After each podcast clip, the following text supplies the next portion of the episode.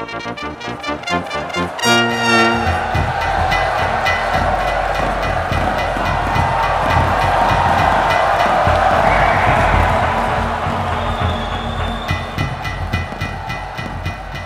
itu di Teater Atlantis diadakan konferensi cahaya. Di acara ini, para pemerhati cahaya berkumpul. Dari tukang lampu, tukang listrik, pihak sales, tukang layar tancap juga ada kidalang. Acara ini disponsori oleh para dewa dan keturunan mereka. Panel juri terdiri dari Athena, Mercury, dan dewa kegelapan Hades. Tampak di jajaran balkon Olympus pendar kedewataan Prometheus, Mars, Apollo, dan tentunya Zeus sendiri bosnya cahaya dan api, sang maha petir. Tujuan dari konferensi cahaya adalah untuk memutuskan siapa yang cahayanya paling penting untuk dilestarikan. Dengan begitu, efisiensi energi jadi lebih terjangkau, sekaligus mengurangi pemborosan, apalagi debat kusir. Slogannya, less heat, more light.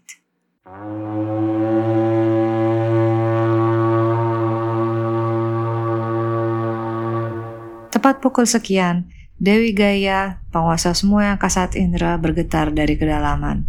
Menyala. Lampu di amphitheater meredup sesaat lalu. Berbaris-baris lampu neon masuk dari segala penjuru. Ada yang terbang dari belakang panggung, ada yang turun dari langit-langit, ada yang masuk dari pintu depan, binarnya putih bagai capung yang mengepak-kepak sayapnya. Kemudian lampu-lampu neon itu membentuk formasi mandala, pusatnya di atas panggung. Mandala itu lalu mengerucut dan mengembang, mengambang dalam rangkaian geometris di atas panggung. Adalah jagoan neon. Memang betul, neon itu jagoan. Siapa juga paham pentingnya lampu neon di kehidupan sehari-hari. Kapasitas wattnya sedang, jadi lampu neon tidak pernah terlalu benderang atau terlalu temaram. Lampu neon adalah lampu semua umat, menerangi setiap tempat dan memenuhi segala kebutuhan. Neon ada di kantor, di ruang kelas, di ruang operasi, garasi, dari toko sampai ke dapur.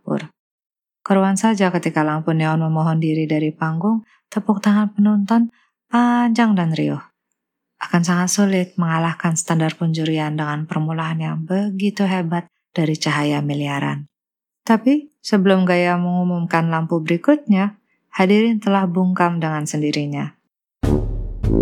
Perlahan-lahan, satu unit lampu stadium diangkut 12 orang di atas tandu sebesar sapi. Pengangkut ke-13 tanpa gopoh menyeret kabel setebal tiang lampu jalanan. Penonton menahan nafas. Ada suara generator mulai berdengung dari balik panggung. Lalu terdengar suara gaya yang dalam. Mohon kenakan pelindung Anda. Perlahan, lampu stadion itu membuka kelopaknya. Satu persatu kisi-kisi penutupnya menguak. Ketika semuanya sudah terbuka, lampu itu didongakkan dan curahan ribuan watt menabrak ke langit-langit teater lalu pendar seperti payung cahaya. Kacanya diganti dengan yang prismatik dan cahayanya pecah ke seluruh penjuru teater, sendirian menanggung beban kegelapan. Kami titisan surya di malam hari, kami pelayan pencerahan, kami pawang stadion dan lapangan. Setelah itu lampu-lampu yang lain pun bergantian pamer kemampuan. Ada lampu baca yang fokus untuk nakas dan meja belajar. Ada lampu HP dan tablet yang berdebat dengan proyektor bioskop. Ada juga lampu Natal dan lampu hias yang syahdu dan ceria. Jelang tengah malam diadakan sandiwara tari dagelan lampu. Karena penulis skripnya level dewa, maka semua yang hadir pun terbahak-bahak. Tawa Zeus terdengar paling keras, bagai petir menggelegar, memuncratkan api dan listrik ke sana kemari. Percikan api dan listrik itu berjatuhan dari balkon Olympus ke meja juri. Salah satunya mengenai lengan jubah Hades. Dewa kegelapan itu memandangi jubahnya menyala kecil, lalu bolong oleh percikan tawa Zeus. Tanpa kata, Hades berdiri menghadap balkon Olympus. Kepalan tangannya terjulur menghadap saudaranya. Begitu pandangan mereka bertemu, Hades menjentikkan jarinya sekali. Sontak, energi di seluruh teater itu korslet diserap kegelapan. Kegelapan itu bermula dari ujung jubah Heidi selalu meriak rata ke seluruh teater. Segala cahaya dan listrik dari generator sampai telepon pribadi semuanya hilang dalam kepekatan. Sambil mendengus, Hades kembali duduk. Kau merusak acara, kak, desis Dewi Athena. Kalimat sejenis disampaikan banyak orang dan dewa dengan ada yang berbeda-beda. Tapi tidak ada yang terang-terangan menantang Hades, penguasa kegelapan gitu loh. Sebagian dari hadirin yang terperangkap dalam kegelapan itu langsung panik. Reaksi lumrah orang-orang yang tak biasa mengatur nafsunya. Mereka berhamburan ke sana kemari, saling teriak, saling tabrak, tak ada yang keinjak. Masing-masing terpenuhi oleh pikirannya sendiri dan kepentingannya masing-masing. Sebagian lagi justru menghindar atau merunduk arus masa yang tengah panik itu. Ada yang tiarap di kolong kursi teater, ada lagi yang berdiam memejamkan matanya dan menyatu dengan kegelapan, sehingga dia menjadi bayangan dan tidak kena tabrakan. Ketika kepanikan itu reda, mereka yang tersisa dalam teater itu meraba-raba mencari jalan, karena sudah lebih hening. Ketika saling menemukan, sentuhan mereka menjadi salam dan pelukan. Oh hai, gak sasar ya. Are you okay? Lalu yang sendirian jadi berkelompok dan punya tujuan. Ketika jalan keluar tidak juga kelihatan, mereka istirahat dan setelah menghela nafas panjang mulai mempertimbangkan keadaan. Kurang lebih percakapan bisik-bisik antara mereka bunyinya begini. Dewa-dewa itu masih ada. Mereka maunya apa? Gimana caranya biar kita bisa keluar dari sini? Ye, di mana-mana dewa maunya disembah, disaji. Kau punya apa yang bisa disajikan untuk mereka? Sebelum terpikir jawabannya, terdengar di ujung sana ada kelompok lain. Mereka mulai menyanyi pelan. Bunyinya takut-takutan, tapi itu jelas-jelas nyanyian pujian. Terus, di sebelah sana lagi ada yang membacakan puisi. Terus, di arah lainnya lagi ada yang menabuh kursi teater. Pelan-pelan, tapi berirama. Perlahan-lahan lagu-lagu dan nyanyian yang awalnya tanpa acak mulai sinkron satu sama lain dari berbeda-beda kelompok itu ada semacam sinkronisasi. Yang pasti bunyinya semakin percaya diri. Yang tadinya bunyinya takut-takut, lalu tidak lagi. Karena setiap orang itu diciptakan dengan sedikit unsur dewa dalam dirinya.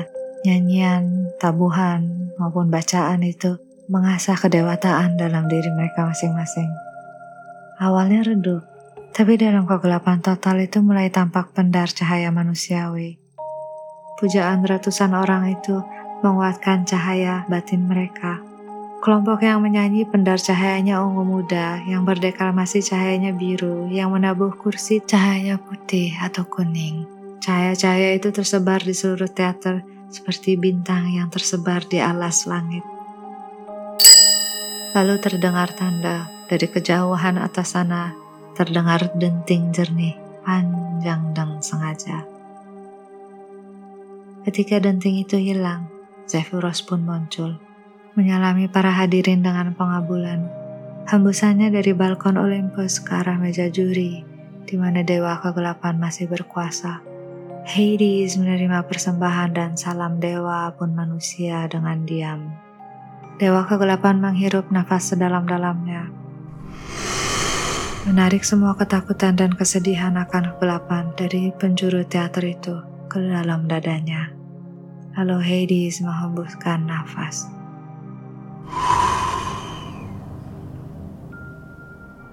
Helaan nafasnya menjalar dari meja juri sampai ke balkon Olympus, dari bawah ke atas, dari kaki ke perut, ke dada, ke lengan, ke leher hingga ke ubun-ubun. Dihela kerelaan, kesimpulan. Zeus menerima tabik saudaranya dengan senyum. Lalu dewa petir melambai kepada dewa-dewa yang lainnya untuk melanjutkan acara dengan restu Hades. Prometheus memantik api dan menyalakan kembali generator bumi. Dewa Apollo menarik seutas tali dari langit-langit teater untuk menggugah matahari. Semburat pucat muncul di sisi timur langit dan subuh pun menggeliat. Dari semua penjuru Para dewa berbenah dan mengawang atau langsung tenggelam sambil meninggalkan pemberkatan mereka bagi semua yang mampu memantik cahayanya sendiri. Sampai nanti, Semoga lestari. Selamat pagi.